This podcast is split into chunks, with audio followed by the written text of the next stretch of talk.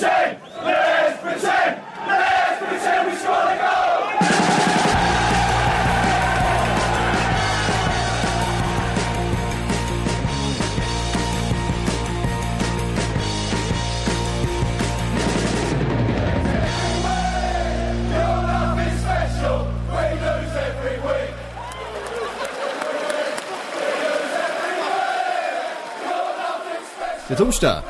Sportbladets Premier League-podd har eh, samlats för en ny genomgång utav eh, den engelska toppfotbollen. Patrik Syk heter jag, Kalle Karlsson och Frida Fagerlund är med mig. Frida, vi måste nästan börja kalla dig för skumtomten nu. Du ser, igen sitter du med en skumtomte i studion. Men det är ju för att de säljer ut de här i butikerna nu. De kostar 15 kronor, det är halva priset. Nu måste jag ju passa på innan de tar slut. Skumtomten Fagerlund. Två för en eller? Nej inte ens det. De, Nej, okej, de säljer ut dem för lite 15 nedsatt. kronor. Ja, Och, och de flesta affärerna de eh, annonserar inte ens det. Men det är ju för att den är så vansinnigt äcklig. Nej, det är hon på min lokala pressbyrån hon plockar redan fram en så här varje morgon när jag kommer in. Så här har du. Tack. Ja det är bra. Eh, hörni, vi, eh, det finns eh, liksom en match att börja med här känner jag. Det är liksom helgens stormöte mellan Liverpool och Manchester City. Det Finns ganska många olika vinklar man kan ta här. Citys första förlust. Eh, Liverpools första match eh, utan, inte första match utan Coutinho men liksom eh, ett statement första eh, ligamatchen sen han lämnade. Eh, ja, målvaktstabbar, fina avslut. Vart vill ni börja egentligen? Vad, vad var era intryck direkt efter matchen? Att det var ganska skönt var att Citys eh, svit bröts. Eh, och att den gjordes, eh, bröts på det sättet. Att det inte var någon eh, Eh, det var ingen tråkig match med ett lag som backade hem och sen så knep de vinsten på en omställning. Utan det var ett Liverpool som pressade otroligt högt och eh, ställde ju City helt. Eh, även om det var ruggigt nära där i slutet att Aguero Agüero faktiskt hade kvitterat. Ja det blev ju spännande till slut fastän att det stod 4-1 i 85 minuten så eh, satt jag som Liverpool-supporter med hjärtat, jag vet inte, någonstans långt förbi halsgropen där på sista frisparken. Det ska, det ska jag erkänna, då var, då var pulsen hög. eh, men det var offside, sen räknar vi bort. Och det var inte dessutom inte mål heller, den gick ju Nej, inte den, in gick- eller? den Så gick att- utanför. Det var ganska lugnt tycker jag. Ja, det var lugnt. Klopp sa själv efteråt att eh, han, var inte, han var aldrig orolig. Tror ni på honom? Alltså så glad som Klopp var efter den matchen. Det, har ni sett den intervjun i amerikansk tv? Ja, absolut. Den, den var ju, När var han, ju helt när, när han råkade svära också, han trodde att, eh, får man inte göra det i USA? Nej, han var ju, eh, det här kommer han leva på länge känns det som. Ehm, men jag tyckte också att eh, Liverpool, eh, de, eh, den insatsen, de, den speglar lite alltså exakt så som Klopp vill spela med extremt mycket energi och att de verkligen, eh, det kändes som att de ville det här så mycket mer än City-spelarna och det, det, det gjorde att, att City aldrig riktigt kom in i matchen på det sättet som vi har vant oss vid och se dem göra det. Man trodde väl ett tag där det var nå- någon period där man tänkte att nu kanske kom, de kommer tillbaka men eh, då är det som att, ja, då är det proppen nu för, för Liverpool istället och sen så Mm. rinner det iväg och sen blir det för jobbigt att, att hämta upp. Ska man ge en insats, eh, precis som du säger, som ser liksom schablonbilden av hela Klopps idé och hans, eh, det han kom, hans eftermäle den dagen han lämnar Liverpool så är det ju den här matchen. För att från första sekunden så var de ju verkligen i, i hälarna på dem och klev fram och de vann boll och de gav publiken energi som svarade och gav ännu mer energi tillbaka. Och Ja sånt här tryck på Anfield har det ju inte varit på, på Nej länge det var alltså. en arena som verkligen levde och gungade och man kände ju hur energin verkligen eh, överfördes ner på plan.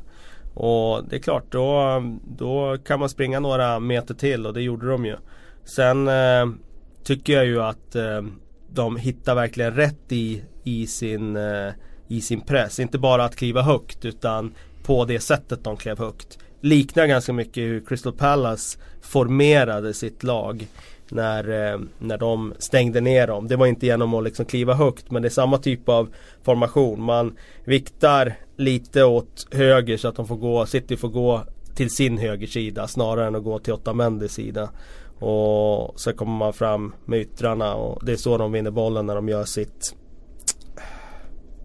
Får se, det kanske är så de vinner bollen när han skjuter i stolpen. Eller så är det så de vinner bollen när de gör sitt 3-1 mål. Ja. Men eh, ja, väldigt, väldigt eh, bra försvarsspel och det är ingenting som kommer av en slump. Man ser verkligen ut, otroligt bra Firmino är på att spela försvarsspel som anfallare. Alltså det, det, det är så få forwards som gör det där som han gör. Men de borde liksom bara ta en video på det han gör och sen ge till alla anfallare som bara borde ta det som ett karbonpapper och göra likadant. Så han är otroligt bra på inte bara pressa utan även att styra upp spelen dit han eh, bedömer liksom att, eh, att det blir svårare för motståndarna. Så att hatten lyfts av för Liverpool och Firmino och eh, hela den där trojkan där framme. Mm. Det Jamie Carragher var inne på det i sin krönika efteråt att även att Mohamed Salah har varit liksom målskytten och kanske den stora stjärnan eh, den här säsongen så, så är det nog Firmino som är första namnet på pappret för eh, Jürgen Klopp när han ska ställa ut det här laget för att eh, han är så viktig för att det här, det, här, det här spelet, den här taktiken ska fungera. Mm. Ehm, Och det var ju lite kul också med tanke på att vi har suttit och snackat här om hur slår man City och så vidare. Och, eh, nästan, det, ett tag kändes det verkligen som att alla lag parkerade bussen extremt lågt mot City och kände att det var vägen framåt. Och det kan det nog vara för vissa lag. För alla kan ju inte göra det som Liverpool gör. De är ju extremt bra på det här. Det är inte bara de där tre där framme utan det är ju även mittfält om man tittar på hur Chan kliver fram liksom. Så han var ju sjuk dessutom. Att, det var därför han blev utbytt då i andra. Men att, att han orkade göra den första halvan med, med sjukdom i kroppen. Det, ja det är starkt. det är en hyfsad inställning. Så, äh, superroligt för äh, ligan, för Liverpool och för äh, Ja, bara det här känslan nu av att alla andra ser att det går att slå dem. Mm. Jag, tyckte han, jag tyckte han uttryckte det rätt bra Klopp efteråt att ja, man kan ju backa hem och hoppas på att vinna på Lotto. Mm. För att ska du backa hem mot det här Manchester City måste du ha rätt mycket tur. Du måste hoppas att de där bollarna går i stolpen en eller två gånger och för att de kommer ju skapa med, med det där laget. De kommer ju skapa mot vilket försvar som helst lågt. Eh, till slut. Ja. Sen, sen, sen är det ju där, det är ju, det är ju såklart en eh, Det blir ju Något som man aldrig får veta men Nej. du måste ju ha tur även om du spelar som Liverpool Ja, ja, gör. För absolut. Jag menar, Det har de ju. Jag, jag tycker ju att eh, City nästan spelar med 10 man för jag tyckte Aguero, Aguero var helt katastrof. Framförallt i första, fa, Mm. första halvlek och delar av andra också. Och det är klart, du ska ha lite tur att eh, ja, det kanske inte funkar riktigt. Sterling tycker jag var klart påverkad av Mm. eh, liksom publiken och det där. Han var ganska misslyckad. Medan Sané och De Bruyne var väldigt bra. Men det Ja. räckte inte att de två var bra utan eh, Och sen en match där Tyckte Otamendi sjönk ner i det där hålet han befann sig i förut. Mm. Eh, och gjorde enkla misstag och det, ja du ska ha lite tur ändå. Man märkte ju på den där duellen mellan Andy Robertson och Sterling hur en växte eh, utav publiken och en, en krympte utav Ja, publiken. Det var ja. så tydligt verkligen. För jag menar, eh, Andy Robertson, han, alltså han fick ju bara mer och mer energi ju längre, alltså jag menar i mitten på andra halvlek när han är nere och, och själv pressar målvakt och Otamendi och nere liksom så långt ifrån sin egen position han egentligen ska vara. Men Eh, är inte han också lite stereotypen av det Klopp söker? Alltså det är ju en Han spelare är ju, som en, verkligen han är ju har den typen verkligen. Han, Ja han har verkligen levt upp under Klopp just för att han passar i det här. Han är en sån som kämpar eh, extremt mycket trots att man kanske har begränsningar på andra områden. Mm. Eh, och i den här matchen var ju han eh, fenomenal. Det känns som att um, undrar hur många, många mil han sprang, höll jag på att säga. Det är, han kämpade ju verkligen eh, ända in i det sista. Mm. Sen, är det ju det här problemet med Liverpool att för att det här spelet ska funka, då måste man komma upp på de här energinivåerna. Ist- Annars så lämnar man liksom utrymmen om man exponerar sin backlinje på ett sätt som andra lag inte gör. Ja. Och det är klart att det är lättare på hemmaplan mot, eller med den suveräna serieledaren från grannkommunen liksom. När man vill göra ett statement. När man ska göra ett statement och allting och det är som så här och man kommer rätt in Absolut. i matchen med, Absolut. med eh, Oxlade Tidigt mål. mål. Och, eh, och även sådär. en, innan det också tycker jag, redan i första minuten när de vinner boll liksom eh, högt och det, Bara det ger ju energi att okej, okay, man ser att det funkar och så vidare. Utmaningen var... blir ju, alltså de här matcherna, alltså bortaplan, ett motstånd som man ska slå. Yeah. Man har inte kanske alla sina bästa, man vilar någon, någon viktig pjäs och så vidare. Att man ska försöka komma upp i de här energi, energinivåerna då också. Och det vet vi ju att det, det är svårt. Det är och det gör de ju inte alltid. Nej. Och det är de matcherna när man inte gör det som man också har tappat poäng den här, den här säsongen. Och det är då det måste finnas något annat att falla tillbaka mm. på. Och det är då Det är då Coutinho har varit Precis, det är då eh, Coutinho kommer att liksom vara ett avbräck. Mm. Men jag tycker det var intressant också Oxlade Chamberlain sa det i någon, något sammanhang. Jag vet inte var han sa det. Jag har inte sett det själv, jag bara läste. Men eh, just det här med han har lärt sig sedan han kom till Liverpool just det här med att om en faller ur den här presskedjan då, mm. då faller hela kedjan. Mm. Eh, om en inte gör jobbet då har han sålt bort de andra. Och ja, det säger ju någonting på samma tema som du är inne på att alla måste göra jobbet mm. 100% annars går det inte och det gjorde de nu och då fick de den här effekten av det. Och man ser ju ganska tydligt varför en sån spelare som Sturridge har svårt att få speltid i ett ja. sånt här lag för att han, han är ju den raka motsatsen i, i spelartyp. Han är, inte det att han är lat men han är ju inte en, en pressspelare alls på det sättet. Han, han, eh, han glider ju runt lite för sig själv. Eh, och börjar spela när han får bollen i fötterna liksom.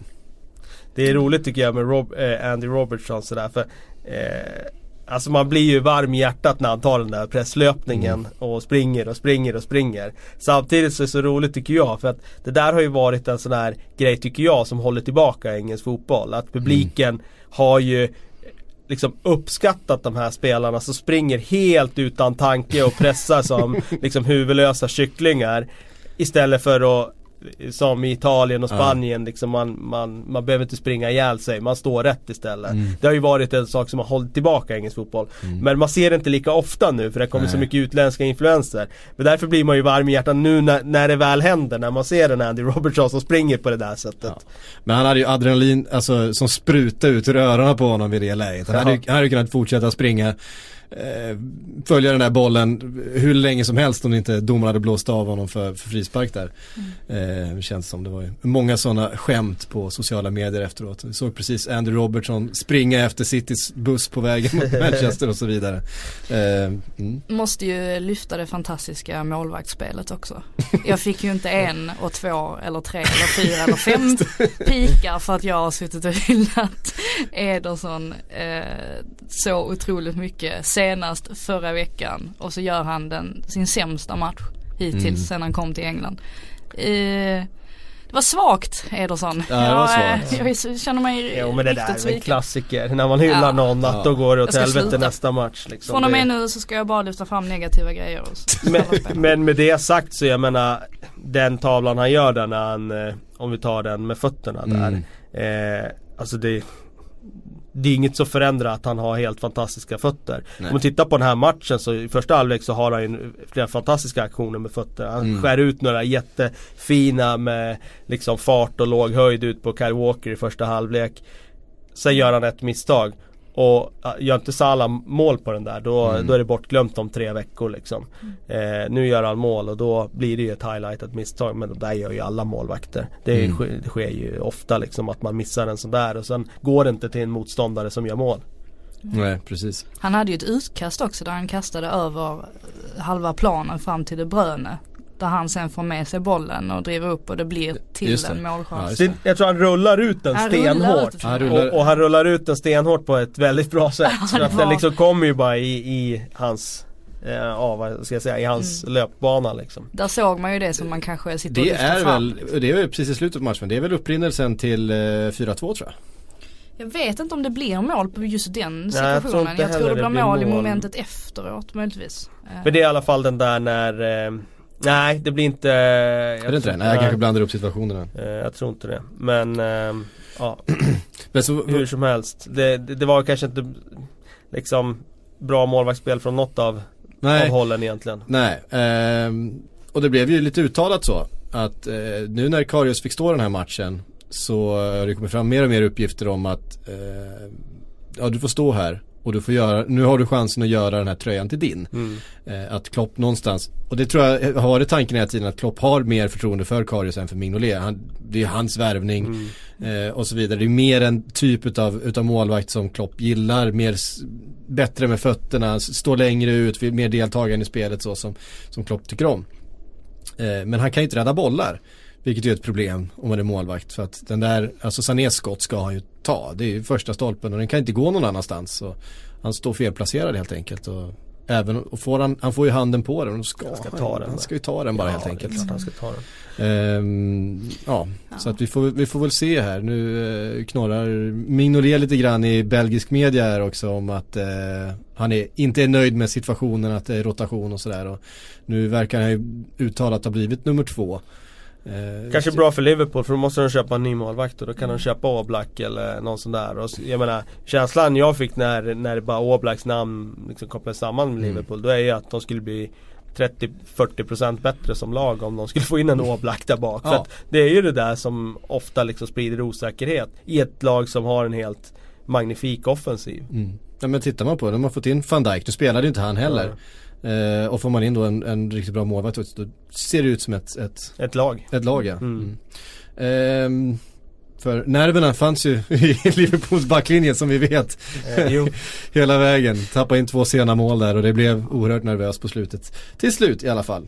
Jag tycker också det är intressant här att Klopp är den tränaren som har eh, Bäst bäst statistik. statistik mot just Pep. Ja. För att Pep handlar ju om kontroll. Han vill ju kontrollera matcher till vilket pris som helst. Han ska kontrollera bollen och de ska ha possession. Och det är ju precis det Klopp är så bra på att skapa kaos med, sitt, med sin press. Att ja verkligen. man brukar prata om, när man pratar om boxare och, och fighters och sådär som jag ju också pratar om ibland. Man brukar säga att man har eh, någons nummer. Vissa boxare funkar bara, alltså funkar på andra liksom. Det, Ja. Även om de egentligen är eh, mycket sämre. Så, ja men den stilen funkar just. Man, han har hans nummer sådär. Och det tydligt att Klopps fotboll funkar just mot Guardiolas eh, filosofi. Eh, vi lämnar den matchen där då. Och så går vi vidare till den andra söndagsmatchen tänkte jag. Arsenal mot Bournemouth. Eh, som eh, blev någonstans, jag vet inte. Är det, är det säsongens låg, alltså bottennotering för Arsenal? Är de på, eh, tar de sig upp härifrån? Vad händer? Det är väl inte, tyvärr inte den enda bottennoteringen eh, den här säsongen. Det är väl mer att det här är ju en match som Arsenal ska vinna Mm. och som man väldigt länge i matchen tänker att de kommer vinna och sen så gör de ändå inte det. Alltså den elvan de ställer ut för det första. Den Ja. har ju, den är ju inte Den är inte, ti- ti- Jättebra. den är inte tillräckligt bra. Ja, vi, vi, vi pratade lite om det här innan. Hur många från den elvan tar sig in i något av de andra topp 6-lagen? Ja, det- Och det är inte någon. Nej jag sa att Check Ja, petar ju, eller tar kanske målvaktströjan i Liverpool och det är inte för att han är speciellt bra längre utan det är för att Liverpools målvakter kanske är ännu sämre. Eh, men det, det säger ju väldigt, väldigt mycket. Om Arsenal ställer ut en 11 där inte en enda spelare går in i något annat topp 6-lag. Det, alltså, de har sjunkit så djupt nu så att eh, Ja, det är, jag håller med dem som, som var ute i helgen och sa här att det, det är väl kanske the low point för Arsenal under, de senaste 20 åren. Och man undrar ju hur eh, framtiden ser ut nu med tanke på hur mycket osäkerhet det är både kring kontrakt som går ut för stjärnspelare, Sanchez-grejen som kan ske redan i januari, Wenger som förmodligen kommer att, eh, jag säger förmodligen kommer att lämna i sommar och så vidare. Ja. Men tror du det då? Att han lämnar? Ja. Ja, alltså jag har ju trott det typ varje år det har varit eh, dags här för, För- för förlängning. rätt. Ja, exakt. Jag, jag säger precis som de här som säger om bomarknaden ska gå ner. De har sagt det sedan 84, så någon gång får man ju rätt. eh, men ehm, eh, Så att jag, jag fortsätter att säga att jag tror, alltså Ibland underskattar jag Wengers envishet för att jag känner att han borde själv komma till insikt om att eh, det är dags att kliva av för att behålla det här ändå fina liksom arvet och det som man Mm. ändå lämnar efter sig. Nu är det ju inte ett lika bra arv längre, tyvärr. Och det tycker jag är jättetråkigt. Men ja, jag, han borde liksom komma till insikt att ja, men det är dags liksom. Men eh, om man gör det, det ja, jag har haft fel för, förut när det gäller det. Och nu tittar vi på det här. Nu, nu, vi ser ju att det saknas några spelare. Eh, några? eh, i, I laget. Ja du menar de som inte var, var med nu? Ja precis, ja, men en Özil som är knäskadad, mm. en Koscielny som inte var där, en Alexis Sanchez. Ja. Men menar Alexis Sanchez är på väg till Manchester United i detta nu. Eh, Özil vet inte alls vad det blir men han har ju bara ett halvår kvar på kontraktet. Jag tror inte han förlänger med tanke på situationen i klubben. Jag tror inte det. Och då är det liksom så här, vad ska man bygga det här laget runt? Alltså den här situationen är ju Alltså den är ju, den är ju mer än prekär. Den är ju verkligen, verkligen De måste bygga ett helt lag. Så de bygger det runt Wilshire. Ja. Wilshire och Lacazette. Ja. Byta ut resten. Det är inte en helt fel tanke för att mot Bournemouth så var ju Wilshire en av de få som faktiskt visade, mm. visade lite hjärta. Och det är ju, låter så banalt när man använder sig av det uttrycket men det är ju trots allt oerhört viktigt i fotbollen att man har en person som faktiskt vill någonting eh, och vill framåt. Mm. Eh, men jag menar det här, jag tycker ju detta är en fråga för ledningen också. Vad, vad vill de med mm. Arsenal? För att jag menar de har ju inte brytt sig om resultaten på planen direkt så länge Wenger säkrar en, en Champions League-plats och fortsätter man att tappa Champions League-platsen nu år efter år. Alltså vad, då måste ju någonting hända. Sen om det är att Wenger eh, sticker från klubben, alltså det, det, vet jag inte. Men å andra sidan så tror jag nu supportrarna i det här läget eh, känns som att de, de har tappat allt hopp. Och mm. enda sättet att få tillbaka lite hopp vore väl med en nytändning förmodligen. Med en ny tränare som kommer in med lite, lite annat tänk. Eh, men jag tror inte nödvändigtvis och det har jag sagt förut också att Wenger är det största problemet i Arsenal. Jag tycker ju att ledningen verkar inte jätteintresserad av fotboll och då brukar det oftast inte fungera jättebra heller. Nej. Men, men om man tittar på det, den situationen de har nu i januari här. Eh, jag menar Sanchez ut, det har ju varit en eh, en utveckling som har förutspått sedan i somras. Mm. Kan de då få Mkhitaryan som en del av det så tycker jag det är bättre än att bara ta pengarna. Mm. Eh, får de in Aubameyang, om Walcott lämnar, det är ingen förlust. Jag menar han spelar ju knappt. Eh, och jag menar det är naturligt att växla ut honom. Kan de då få in Aubameyang så att mm. det blir Sanchez, Walcott ut, Aubameyang och Mkhitaryan in. De menar Aubameyang i sommar såklart, de får inte mm. loss honom nu.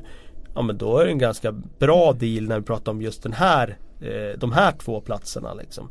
Så att jag tror inte man ska rita något dödskors över liksom klubben sådär. De har haft en ganska bra förmåga att klara av det mesta tidigare.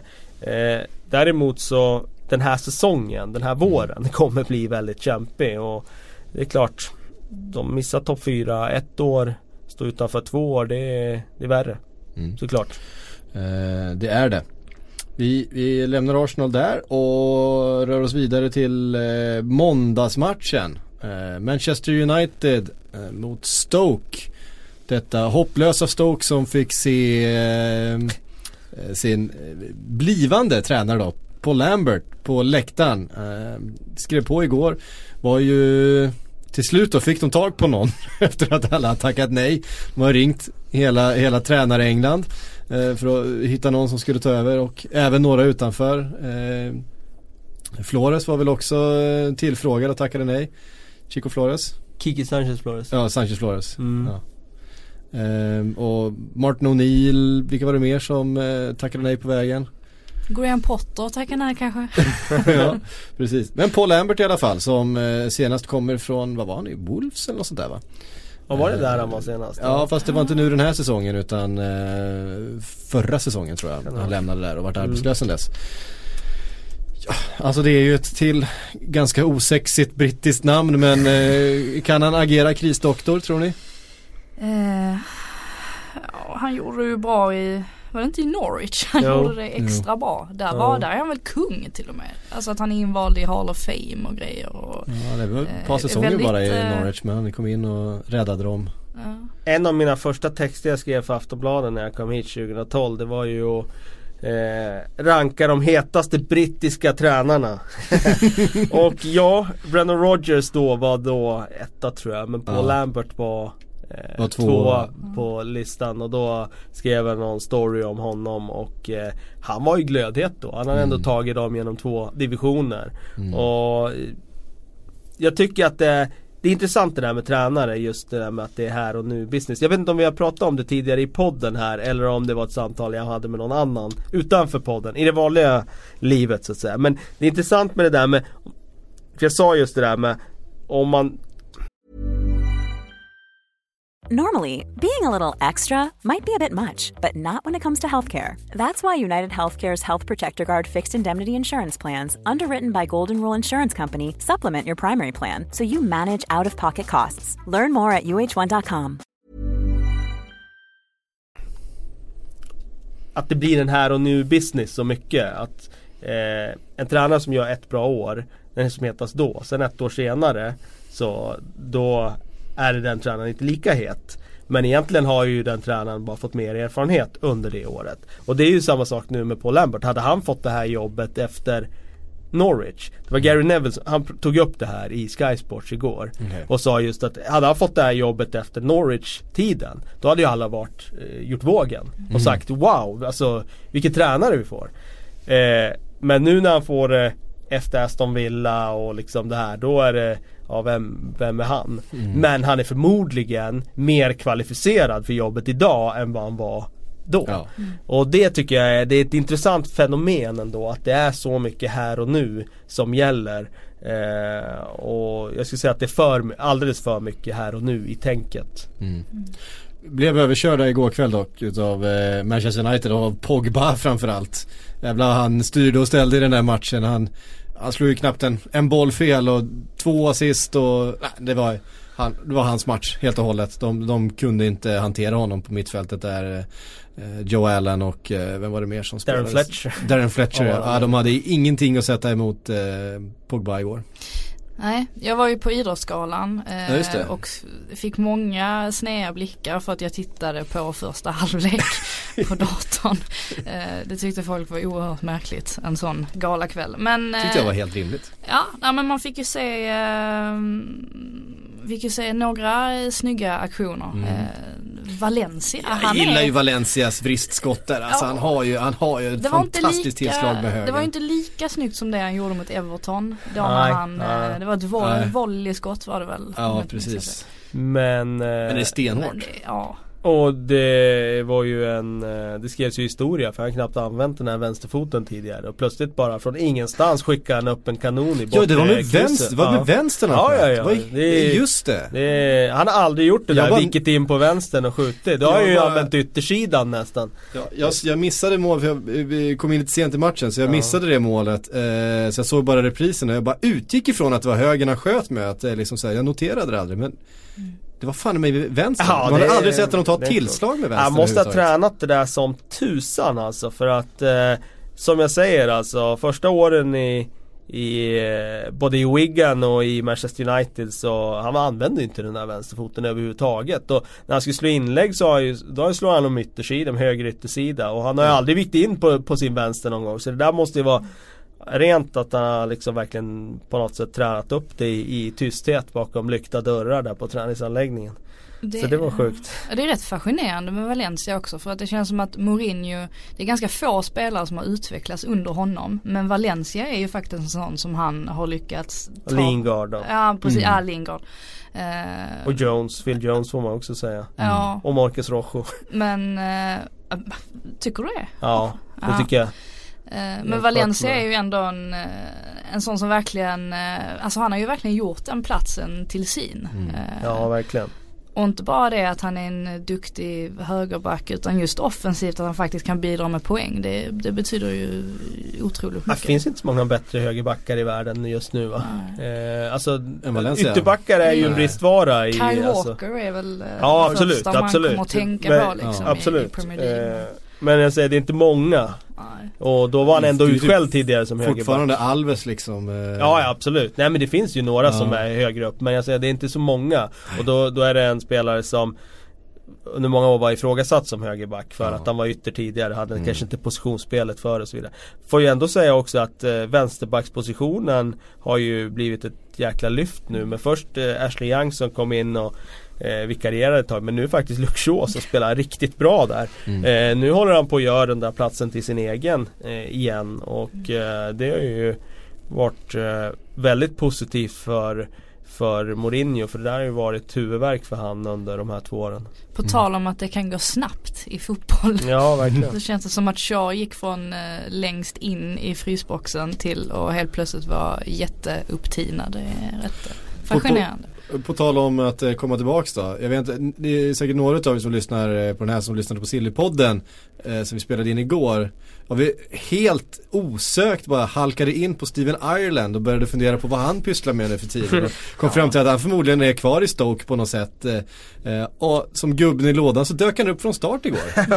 Bara sådär. Nej, det var, det man har inte, man har inte tänkt på Steven Ireland på flera år känns det som. Ah, Han har varit lite bortglömd kan man säga. Men, eh, men är ju en gammal poddfavorit förstås. En kultspelare på något sätt.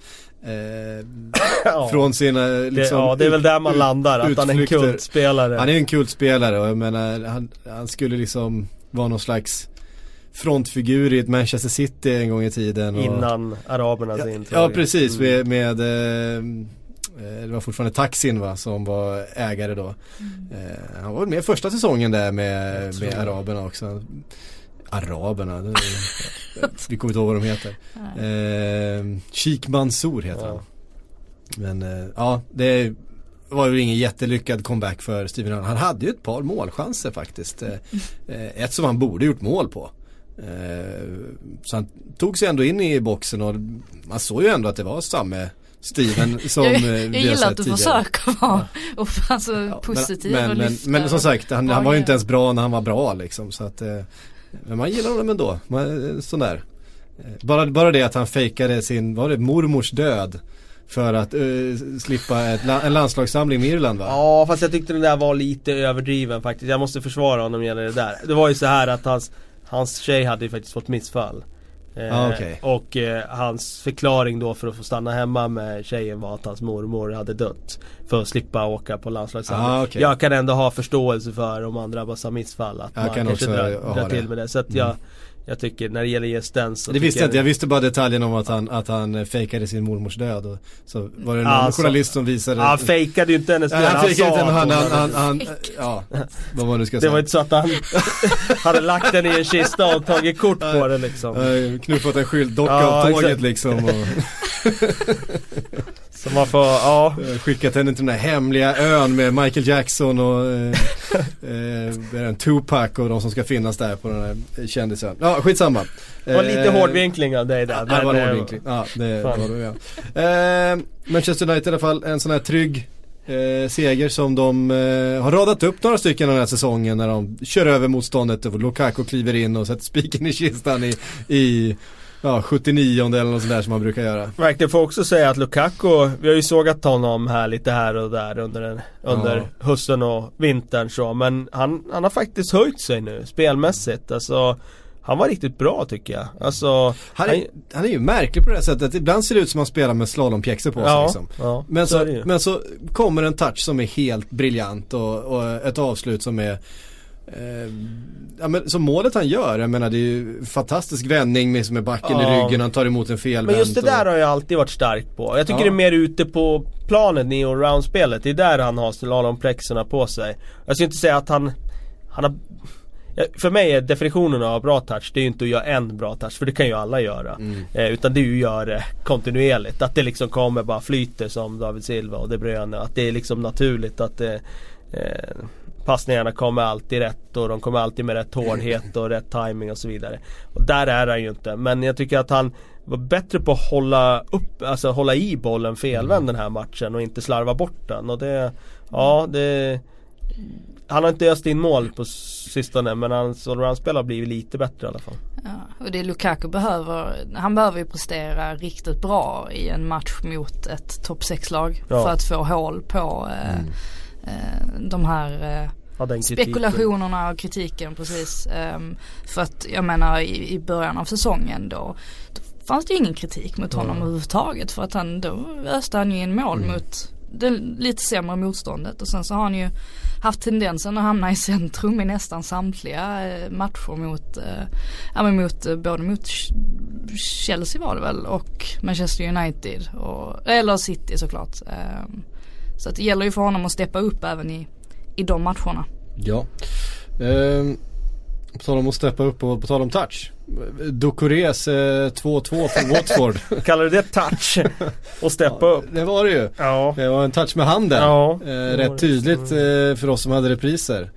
Eh, det här är ju ett bra argument för VAR-förespråkarna om man säger Ja det så. där är väl det allra bästa argumentet för det liksom när det blir den där typen av mål. Ja, det När och det liksom- matchavgörande. Det är matchavgörande och det är hans och alla kan se det efteråt och alla Mm. kan skratta åt det och skaka på huvudet åt det. Mm. Ja, det är jätteolyckligt såklart för Southampton som jag tycker gjorde en jättebra första halvlek den här gången. Mm. Eh, men blev lite för skraja i andra halvlek och lite för rädda om ledningen och sluta spela och bjöd in Watford tycker jag.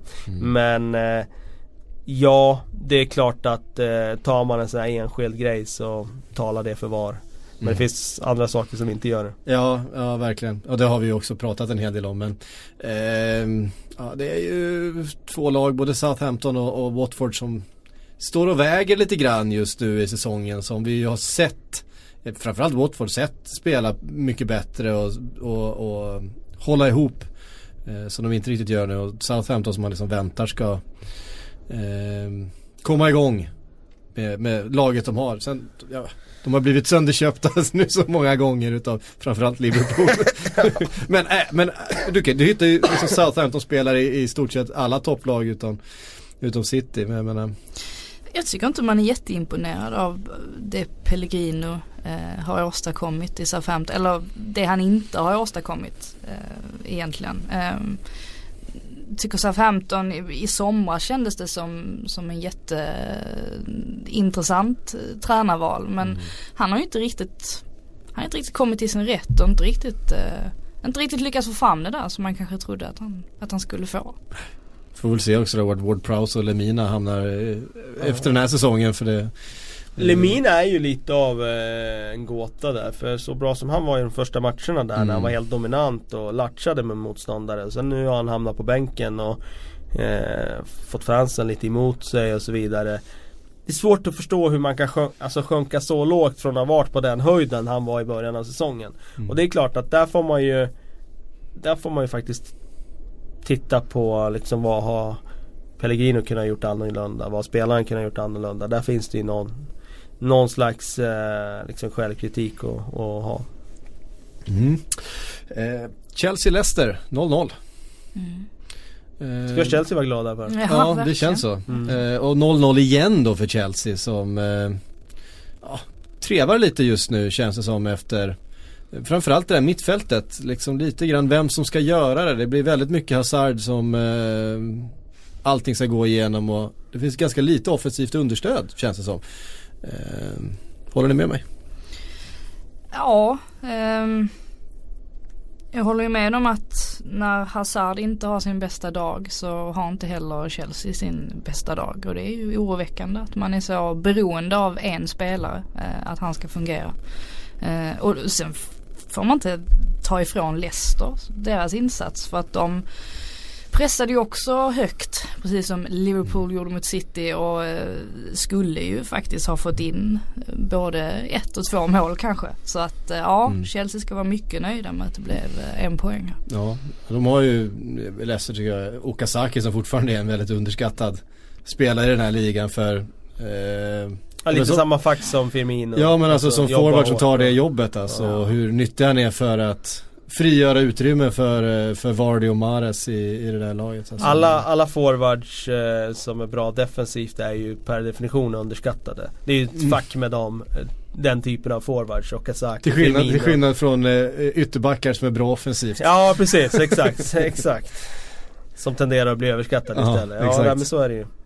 Sen, Eh, eller målvakter som är bra med fötterna. Ja, just det. Ja, just det. Ja men en som eh, faktiskt inte har hyllats tillräckligt tycker jag det är Ederson. Kl- Nej, släpp nu Ederson. Jag har kommit över min crush där nu. Inte så alltid så. Nej men eh, Claude Puel är väl min nya crush då i så Ja, fall. ja För att men han, eh, eh, gjort det väldigt bra sen det han är kom ju in en där. tränare som inte får tillräckligt med, Mm. med hyllningar tycker jag. Eh, det var ingen som tyckte det var speciellt spännande när han kom in Nej. och Leicester-supporterna tyckte ju, de ville ju inte ha honom ens. Men, Ja, jag, jag funderar på att flytta över mina hype-poäng från eh, Marco Silva till, till eh, Claude Puel just nu. Jag Eh, tänkte fråga dig när vi var inne på Watford där om du ångrar din hype av Marco Silva men eh, eh, Ja okej, du flyttar bara över den Jag, flyttar, jag, till flyttar, jag flyttar över eh, Claude hype- Puel hype- som på skolgården. nu. Det är ja, absolut. det är bra. Jag får göra som jag vill. Ja absolut, det är ett fritt land. Eh, Ja, verkligen. Eh, nej men ett Leicester som eh, tror jag är det laget som är mest besvikna över det här krysset. Ja det är de definitivt och man ser ju att eh, det finns ju kvaliteter nu när Mahrez är tillbaka på en Mm. hög nivå och skapar och Mm. Wardy och Okazaki springer där framme och Ndidi NDD är Ja. väldigt, väldigt bra. Alltså, Ja. snacka om att att kommit in och liksom tagit den här Kanté-rollen. Som ju var liksom ett omöjligt uppdrag. Hur ska man få fram en ny Kanté? Nu är han ju inte Kanté på samma sätt Nej. då men, men, men eh, oerhört nyttig och vinner väldigt mycket boll där centralt på mittfältet. Ja, jag tror att det är en spelare som större klubbar kommer titta på Mm. eh, här och jag tycker han är tillräckligt bra redan nu för att tillhöra en trupp i de bättre lagen. Eh, sen om man är startspelare i de, de lagen det, det är kanske lite tidigt än men han har ju varit väldigt, väldigt bra i skuggan av liksom Kanté-boomen som bara Mm. eh, blåste över oss eh, under något år där. Ja, det var ju inte ja, det- så, det var inte så att, att Kanté överskuggade honom i den här matchen. Nej, precis. Och man får ändå säga Leicester bra gjort att kunna ersätta Kanté. Även om de inte fyllde hela luckan så har de eh, fyllt den på ett bra sätt ändå med NDD. Mm. Sen eh, tycker jag det är olyckligt att Chilwell tar den där vansinniga tacklingen och förstör så mycket för, Ja, för Leicester. han För att han, han var ju också väldigt bra. Eh, innan, särskilt i första halvlek så tyckte jag det var väl han som spelade in till både Okazaki och Mares vet eller var det var det kanske vid ett tillfälle Ja, det där det det nog. Mm. förmodligen skulle ha blivit Stämmer. mål. Han var väldigt pigg och så tar han den där vansinnes så som för övrigt, jag lyssnade på matchen med engelska kommentatorer och han, han tyckte att det var a bit too harsh. Ja, jag vet. Det gula kortet. Ja, då, då, eh, Typiskt brittiska kommentatorer, de tycker nästan alltid att det är jag bit too harsh. ja, alltså. det, ja, det, det var eh, det var ganska magstarkt. Ja. Ja, det var ju ett alltså- kort. Vilket, vilket, eh, vilket hjärnsläpp att göra sådär Ja, med när han ja, har ja. ett gult kort. Och han- fick ju det gula kortet precis innan också. Alltså det var ju bara några minuter mellan korten. Ja. ja, jag gillar ju Ben Chilwell för när jag var och såg Leicester på, i träningsmatch mot Barcelona här på Friends för eh, två år sedan eller vad det är. Då var han den enda engelska spelaren som stannade i mixade zonen. Så då, då gillar man ju honom lite grann. Så att jag ursäktar honom lite grann men just den här tacklingen är ju väldigt svår att förstå varför han liksom han har ett kort och så ska han hoppa in på det där sättet i en situation när det inte ens är farligt. Eh, för Liksom det, han måste värdera bättre. Nu klarar de ju en poäng i alla fall så då, ja, då blir han ju inte hängd i alla fall. Nej. Vi tar oss vidare då. Hade du en, hade du en silly på Chelsea? Ja men då, då måste jag ju avslöja vad jag sitter och gör på min fritid. Ja. det känns ju vi, Det här är inte kan- Sillypodden eh, Syk. Nej, och vi kan väl säga att Courtois kan ha varit i Stockholm de senaste dagarna. Så Ja. mycket kan vi säga. Ja, det är spännande. Det, det, det är spännande.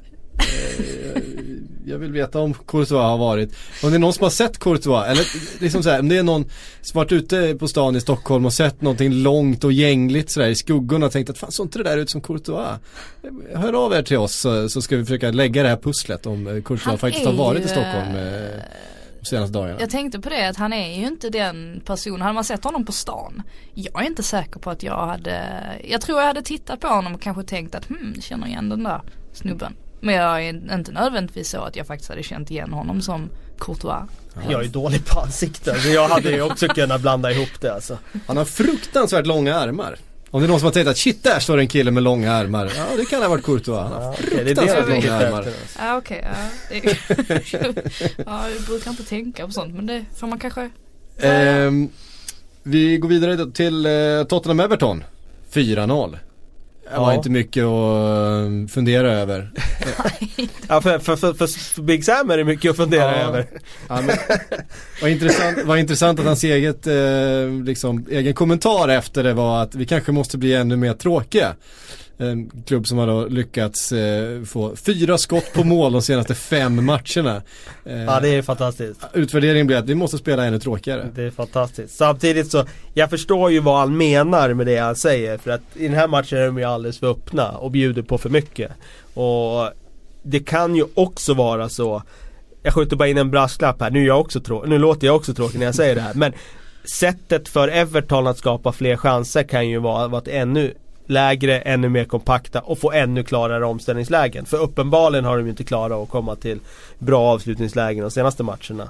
Eh, så att eh, jag försvarar Big Sam lite grann men eh, jag tycker att de var lite för eh, naiva i den här matchen. Och Tottenham var samtidigt riktigt, riktigt, riktigt bra. Vilket mål Eriksen gör när de rullar upp dem fullständigt. Ja, Eh, nej, o- De spelar- otroligt mål. de spelar ett fantastiskt eh, anfallsspel emellanåt, Ja, det eh, gör de. Tottenham. Och det gjorde de i den här matchen. Och det är väl bara att konstatera att eh, Kane kommer snitta på ett mål per match nu de kommande sju åren i, så länge han spelar i Premier League. Det, det känns som. Känns Ja. som han gör ju mål varje match. Ja, alltså det, det finns, varje gång han går ut på plan känner man ju att han kommer göra mål. Och, Ja, två mål. ja. Känns som man Så, Eh, eh, Eriksens mål det var nästan lite så här eh, sym, sym, symboliskt för Tottenham. Alltså det var ett sånt där Tottenham mål som man verkligen med den här Alis lilla, lilla klack var det väl fram Mm. till Eriksen innan han drämmer in. Det var så, ja men verkligen där kände man att det här, det här Lite är förnedring Tottenham. nästan. Ja men alltså Hong Min Son.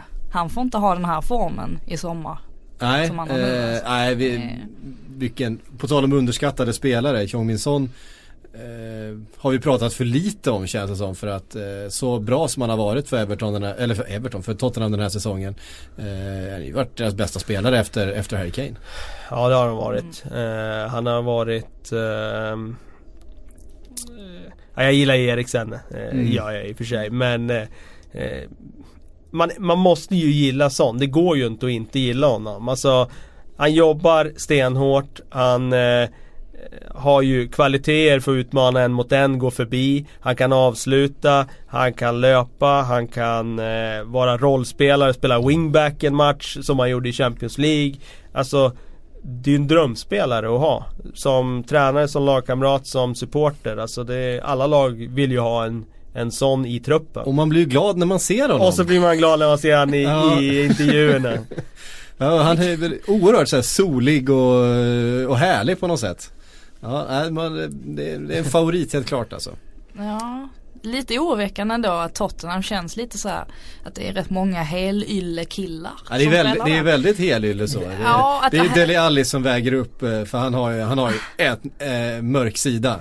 Även eh, om jag i tror sig. att Harry Kane också har en mörk sida som jag tycker kommer fram ibland när han faktiskt sätter in ganska fula tacklingar Mm. och kommer undan med det också just för att han han, alltså han ser som den här lilla, lilla mamis boy, väluppfostrad kille. Vi, vi, får, ju- vi får ju inte glömma den där Chelsea-matchen för två säsonger sedan när, när Tottenham faktiskt visade upp sig från sin från sin fula sida när, eh, när eh, Pochettino hade kanaliserat sin, eh, sin allra argaste argentinare eh, och skickat ut laget med, eh, ja, jag vet inte vad de, vad de sa, vad han hade sagt till dem inför och i halvtid sådär, för det var ju, ja, det hade ju kunnat delats ut fem eller sex röda kort där eh, i den matchen. Det kändes som alla var, var, var nära gränsen. Eh, men Tottenham som gick igenom någon slags lite, lite svacka för några omgångar sedan när man undrade ifall det hade liksom, formen hade avstannat lite grann. Ser ut att vara igång verkligen Ja, igen verkligen. nu och med, med fart eh, in mot den här våren. Men kan det inte ha varit också för att det inte har varit så mycket Champions League till exempel, tänker jag. För att det var ju i samband med Champions League-matcherna som det kändes som att de blev lite tröttare. Eh, att de matcherna tog väldigt mycket energi. Så det ska bli spännande sen när Champions League drar igång igen om de ändå kan, kan upprätthålla samma nivå även i, i ligaspelet. Det är ju fortfarande så att deras trupp är tunnare än de andra topplagens. Eh, Ja, både, ja, jo men det är den kanske. Men samtidigt när de får tillbaka Rose och de har spelare som är skadefria då tycker jag de har De har ju nästan två man på varje plats som är okej och jag menar Visst, kan inte jämföra med City och Manchester United så men jag tycker de har De har hyfsad bredd ändå. Tycker inte de har sämre bredd än vad Liverpool har till exempel. Det tycker jag inte. Eh, jag tycker att de hamnar fel i höstas när de i Champions League hittar rätt sätt för att spela där. Men det eh, spillde över på att de blev lite mer defensiva i ligan. Nu tycker jag de har blivit mer offensiva igen i ligan och det är så jag vill att Tottenham ska spela. De ska blåsa på som de gjorde mot Everton för då är de fantastiska att skåda. Mm. Visst är det Juventus de möter i Champions League så jag inte säger fel. Ja. Det kan nog, eh, alltså kan spelar de matcher. så här, ja då eh, det känns som att Juventus har setts som eh, en liten, liten större favorit. Men jag tror att de kan ge Tottenham, eller att Tottenham kan ge dem en riktig match. Ja det känns väldigt ovisst på förhand faktiskt. Alltså vi vet ju att Tottenham är tillräckligt bra för att slå vem som helst. De har ju spelarna för det, mm. helt klart. Men de slog Real Madrid på hemmaplan, bara en sån sak. Det är ju, de vinner gruppen med, med Alltså det som skulle vara den tuffaste gruppen i i hela Champions League-slutspelet här så. Mm. Mm. West Ham då? West Ham som vi har skällt så mycket på, som plockar in David Moyes, the football genius. Ja det får man ju säga att han är nu. Och nu, eh, ja alltså vilken form de är i. Han har ju fått Arnautovic och Lanzini att spela fotboll. Och då är det klart att eh, då blir de ett bättre lag än när de springer runt och surar på planen. Jag fattar inte vad som har hänt med Arnautovic. Eh, med tanke på uselt han inledde den här säsongen och sen under Moyes så bara blommar han ut och blir en helt annan spelare tänkte jag säga. Nej, han blir den spelaren han faktiskt eh, var innan också. Eh, när, han var, eh, när han var lite som bäst. Mm. Eh, nej, det är ju kul att se ju.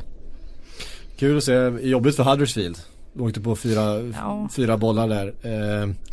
Men det känns som de kommer göra det. Alltså de kommer åka på en sån stor förlust lite då och då och så vinner de någon match här och där.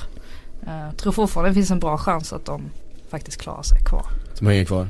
Mm. Ja, men det är, ju intressant det där just med, med Arnautovic och hans, hans hjärna. Alltså att man, vi har varit inne på det så många gånger men alltså när han, när han, är, när han har sin dag då är han ju fan svårstoppad. Ja, verkligen. Kul att han har hittat en ny position och att han levererar i den. Mm. Eh, kul för Mois att han har fått fart på honom och mm. fått fart på laget också får man säga. Så Ja Credit where credit is, is due som man säger. Mm. Men, Både till Mois och till Arnautovic. Ja, men man måste ju säga att en spelare som, som inte är speciellt lyckad med Mois det är ju Chicharito som är på väg bort från West Ham nu. Ja. Som kändes ändå som en av deras eh, mest spännande värvningar i, i somras. Ja det var ju profilvärvningen ju. Det var profil. Alltså ja. skulle göra det. Men där blir det väl också lite att man är överskattad. Där går man ju mycket på namn mm. och CV och att han har varit i Manchester United och han var bra under en säsong eller en vår kan man säga i United där han var eh, Ja, sköt hem ligan åt dem. Mm. Men eh, vad har han gjort sedan dess? Han har varit i Tyskland. Han har varit i Tyskland och gjort lite mm. mål men som sagt allround-spelet är inte eh, speciellt bra. Så jag tror att vi alla överskattade nog Chicharito när han kom. Även jag, tror, jag tror mycket på de där ryktena om eh, att eh, Los Angeles eh, FC Los Angeles FC ska som göra honom till sitt affischnamn. Det är klart att mm. största mexikanska stjärnan eh, I Los Angeles, i, nära i Los Mexico. Angeles, ja precis. Ja, med, med den stora, stora mexikanska ja, Han har ju ett enormt följe i Mexiko. så det skulle ju vara ett fantastiskt affischnamn för dem. Ja tror Carlos Vela spelar där också. Eh, ja, så kan han göra. Precis. är ju ytterligare ett tecken på att han kanske Verkligen. Um, vi har fått en massa frågor. Det spelas ett par matcher till. Jag vet inte vad vi ska säga om Newcastle Swansea 1-1. uh, ehm, ja, det är två, två lag som inte mår sådär jättebra för stunden. Nej, det är väl det man kan säga, punkt. Ja, precis. Uh, Swansea får ju ingen ordning på grejerna. West Brom 2-0 mot, mm. eh, mot Brighton. Ja jäklar, den behövde de. Ja det är verkligen. Och... Vilka Pulis mål det var i den matchen alltså. Det var ju som och, hämtad ja. ur hans bok alltså. ja, han har ju byggt det här laget. Um... Ja. Men det är väl precis vad de behöver nu. Antagligen. Ja alltså Alan Pardew har ju inte fått fart på dem. Nej. Kan man inte säga. Samtidigt så kan man inte lägga det på honom. Jag menar de var ju nere i riktigt i träsket när han tog över och det är inget superlag han tar över. Inget bra material så att Får ge han lite tid här men eh, jag tror ändå att de kan grisa sig till en del poäng i vår. Sen om det räcker, det återstår att se. Så är det. Eh, vi ska ta en massa frågor. Eh. West Bay Gooner skriver, om man ser till de Premier League-lag som är kvar i Champions League, vilket av dessa har en spelstil som har, spelstil som har störst möjlighet att gå långt i turneringen? Guardiola tiki-taka kontra Klopps eh, sanslösa pressattackspel till exempel. Eh, jag tycker det känns som alla fem lagen, nu har de ju fått olika svåra lottningar och det, mycket handlar ju om lottningen. Det, det gör det ju sannerligen.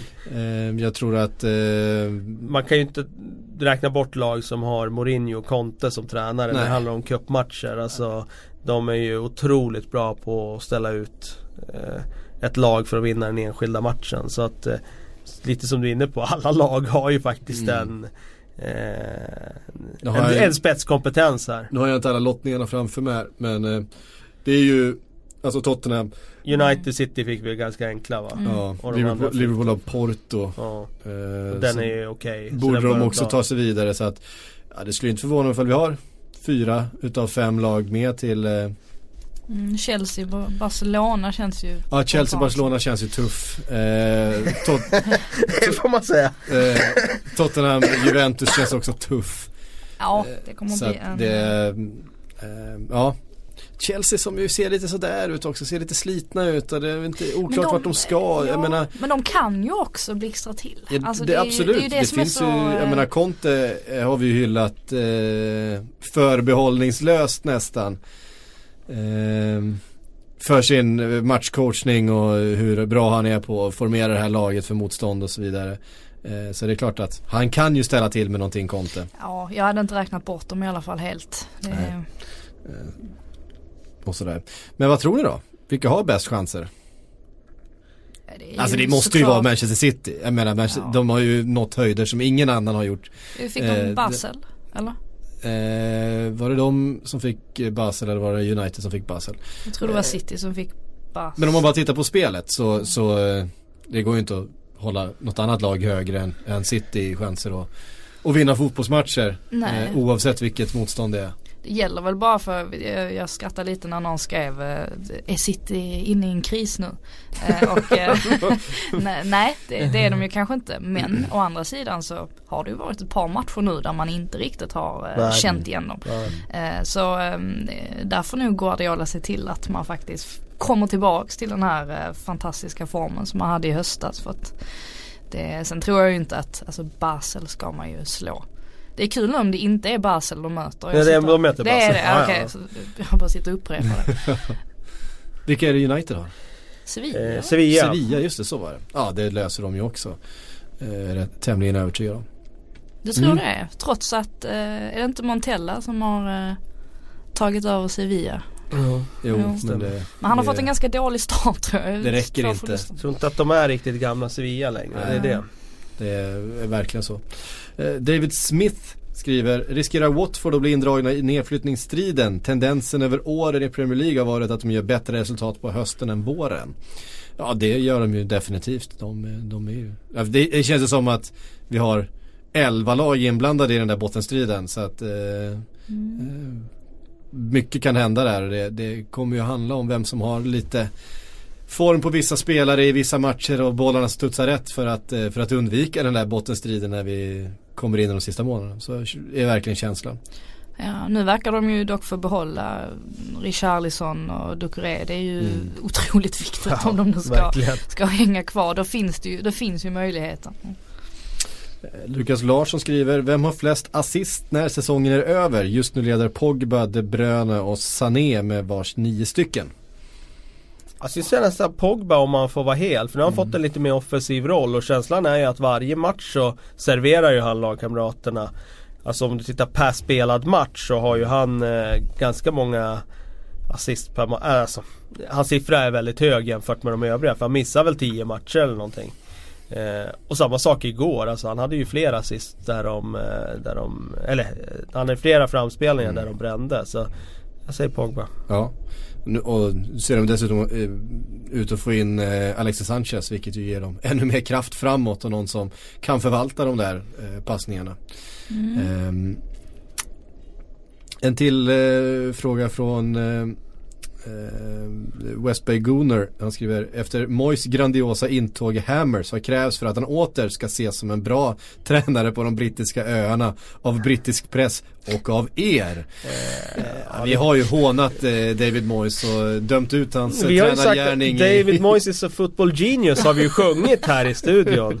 Eh, nej men eh, man kan ju Alltså, säga så här att eh, det är ju inte så att vi tycker att han inte är vattenvärd längre utan det är väl mer det där att jag, jag står fortfarande, jag tycker inte att han är en topplagstränare. Eh, och eh, jag tyckte väl också att han eh, Eh, hans aktier hos mig stod inte högt i kurs när han eh, hade Sunderland heller. För då tyckte jag inte heller att han fick ordning på det alls. I och för sig med ett dåligt material. Men det är klart, gör han ett bra jobb här i West Ham och, och lyfter dem så är det klart att eh, man får eh, säga att han återigen är en tränare som kan liksom ta ett jobb på den nivån och göra det bra. Absolut. Eh, fått en eh, fråga i mejlen också då från, eh, från Danne. Han skri skriver Tja, hoppas det går bra. Fråga via mail. Jag är för gammal för att börja trixa med Facebook eller Twitter.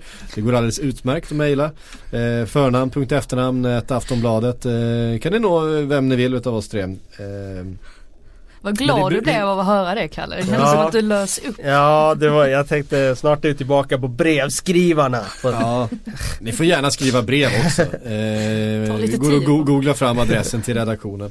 Eh, jag undrar varför fotbollen använder system när domaren är, domaren är den enda som har den exakta tiden som är kvar på matchen. Eh, vore det inte bättre att använda samma system i hockey, alltså effektiv tid då, där eh, en officiell matchklocka som stannar eh, när bollen är ur spel. Eh, Man skulle slippa alla maskningar och överdrivna skador och byten i 93 minuten och så vidare. Och det här är ju en fråga som vi tar upp sådär någon gång per säsong. Ja, och sen så är vi inte helt säkra på vad vi tycker. I alla fall jag. Jag, jag tycker det finns så mycket fördelar och nackdelar med det för att man är ju konservativa lilla delen i en det skulle ju tycka att det här var jättejobbigt att behöva ställa om till men Ja, samtidigt men- finns en poäng med det. Om, säg så här då. L- låt säga att man skulle gå över Match till kan ju inte det vara var- 90 minuter då till, Nej, till, till precis. Men låt säga då att det skulle vara att matchen eh, delas upp så att andra halvlek är effektiv tid. Och man skulle kapa ner det med fem minuter säger vi. Så att den är bara 40 minuter då, säger vi. Mm. Låt säga. Skulle det innebära att vid varje avblåsning så behöver man ju inte skynda sig? Så att det Nej. blir reklamavbrott och så vidare i det. Nej men då, då är det ju inte positivt. Alltså Nej. nu finns det ju ändå en Även om folk maskar så finns det ju en, en, ändå en ett hot av att du får en varning när Mm. du maskar. Blir det då att varje spelare när de ska gå och hämta bollen till inkast liksom lufsar jättesakta bara för att de vet ju att det är i alla fall effektiv Det spelar tid. ingen det spelar ingen roll. Även om vi ligger under och Ja, det är 10 exakt. minuter kvar så, Så- kan vi ta det nej, hur jag- lugnt som helst. Jag är, inte, jag är inte inne på effektiv tid. Däremot tycker jag man ska bli hårdare på de som verkligen maskar och att det blir liksom, och det, det, det går inte bara att eh, att Premier League gör utan det måste komma från Fifa, från det stora liksom regel, alltså där att hela fotbollen blir, nu ska vi bli hårdare på maskningar. Mm. För att det, det är ju patetiskt att se framförallt målvakter tycker jag hur de maskar när, de, när det blir inspark och de liksom skjuter liksom iväg bollen eh, när de får den och så måste de springa och hämta den två meter från hörnflaggan och så går de sakta och så ska de lägga upp den, nej jag lägger inte upp den på den här sidan, jag lägger upp den på den andra sidan. Alltså Var, det, det, det, var också tänkte, var inte det reglerat innan vilken sida man var tvungen jo, jo. att ta det? Och så tog de bort det. ja, Vilket jag kan, ja, vilket Mm. jag kan tycka är okej att de tog bort det. Att man får välja var man ska lägga den på hela linjen liksom. Men eh, För visst, det, fann- det fanns något konstigt med den, det var inte den sidan som bollen hade gått ut på. Det var, jo, från- jo. det var så? Ja. Det var, ja. mm. Ja, jag vet att eh, Svenska fotbollförbundet alternativt om det var SEF har diskuterat det här med effektiv tid på, alltså tilläggstid. Effektiv tilläggstid, att man på något sätt ska ja, ska okej. förändra eh, eftersom att det är så mycket tid som går till spillo Mm. just de minuterna Mm. med folk som maskar och så Mm. vidare. Att, nu kommer jag inte ihåg exakt hur det var men, men att man typ redan i 85 minuten berättar exakt hur mycket tid det är kvar och har effektiv tid från och med då. Det. Någonting, någonting liknande. Jag vet att det har varit uppe på tapeten i alla fall. Ja det är intressant i sig då om man låser det till att det bara är tilläggstid. Då kan jag köpa. Mm. För att det blir ju väldigt märkligt. Alltså, framförallt när domarna har hållit upp en, eh, en skylt. Nu är det fyra minuter kvar. Och så blir det en skada och så försvinner en Och så och blir en det ett mål Ja, och så jublar de i en kvart nere vid hörnflaggan Ja, och... precis. Och så ska det göras ett byte på det och sen så, ja. Det blir väldigt oklart. Ja, men jag blir ännu mer förbannad. Jag- blir inte förbannad när det blir mer tid än vad man trodde. Jag blir förbannad någon gång när det blir mindre tid. För ibland är det som att bytena bara käkar upp den där Ja, ja. tilläggstiden. Nej, men och så tilläggstiden kan ju bara försvinna men, på- Ja, och så bara blåser han av i alla fall när det är 94 minuten. Mm. Men vad fan, en låg ner, en eh, sköt iväg bollen eh, och det var ett byte och så vidare. Och ändå blev det bara den tiden. Då har du en, en läktare som står och skriker blås av, blås Ja. av, blås av. Fast han, ja, och ingen vet hur mycket det är egentligen som Nej. gäller och så blir det en, en Nej det är klart. bedömningsfråga. Det, det är ju en, eh, det kanske är en sån där förbättring. Samtidigt, jag poängterar det. Det finns ju ett mått av att, att fotbollen är så stor som den är. Mm. Det är att det alltid finns diskussionspunkter efter en match. Mm. Du kan alltid sitta och diskutera Var han bra eller var han inte bra? Till skillnad från höjdhopp, då ser man direkt resultatet. Du har hoppat över ribban eller inte. Det finns inget mer att diskutera. Eh, Medan fotbollen, här kan du diskutera, var det rätt tilläggstid ens? Mhm. Det blir också en diskussion kring det. Och fotbollen lever av att det alltid finns diskussioner att föra. Det får avsluta den här veckans eh, PLP. Tack för att ni har lyssnat. Tack Kalle, tack Frida för att ni kom hit. Vi är tillbaka om en vecka igen. Tjoff, ploff. Har du va? Som vanligt.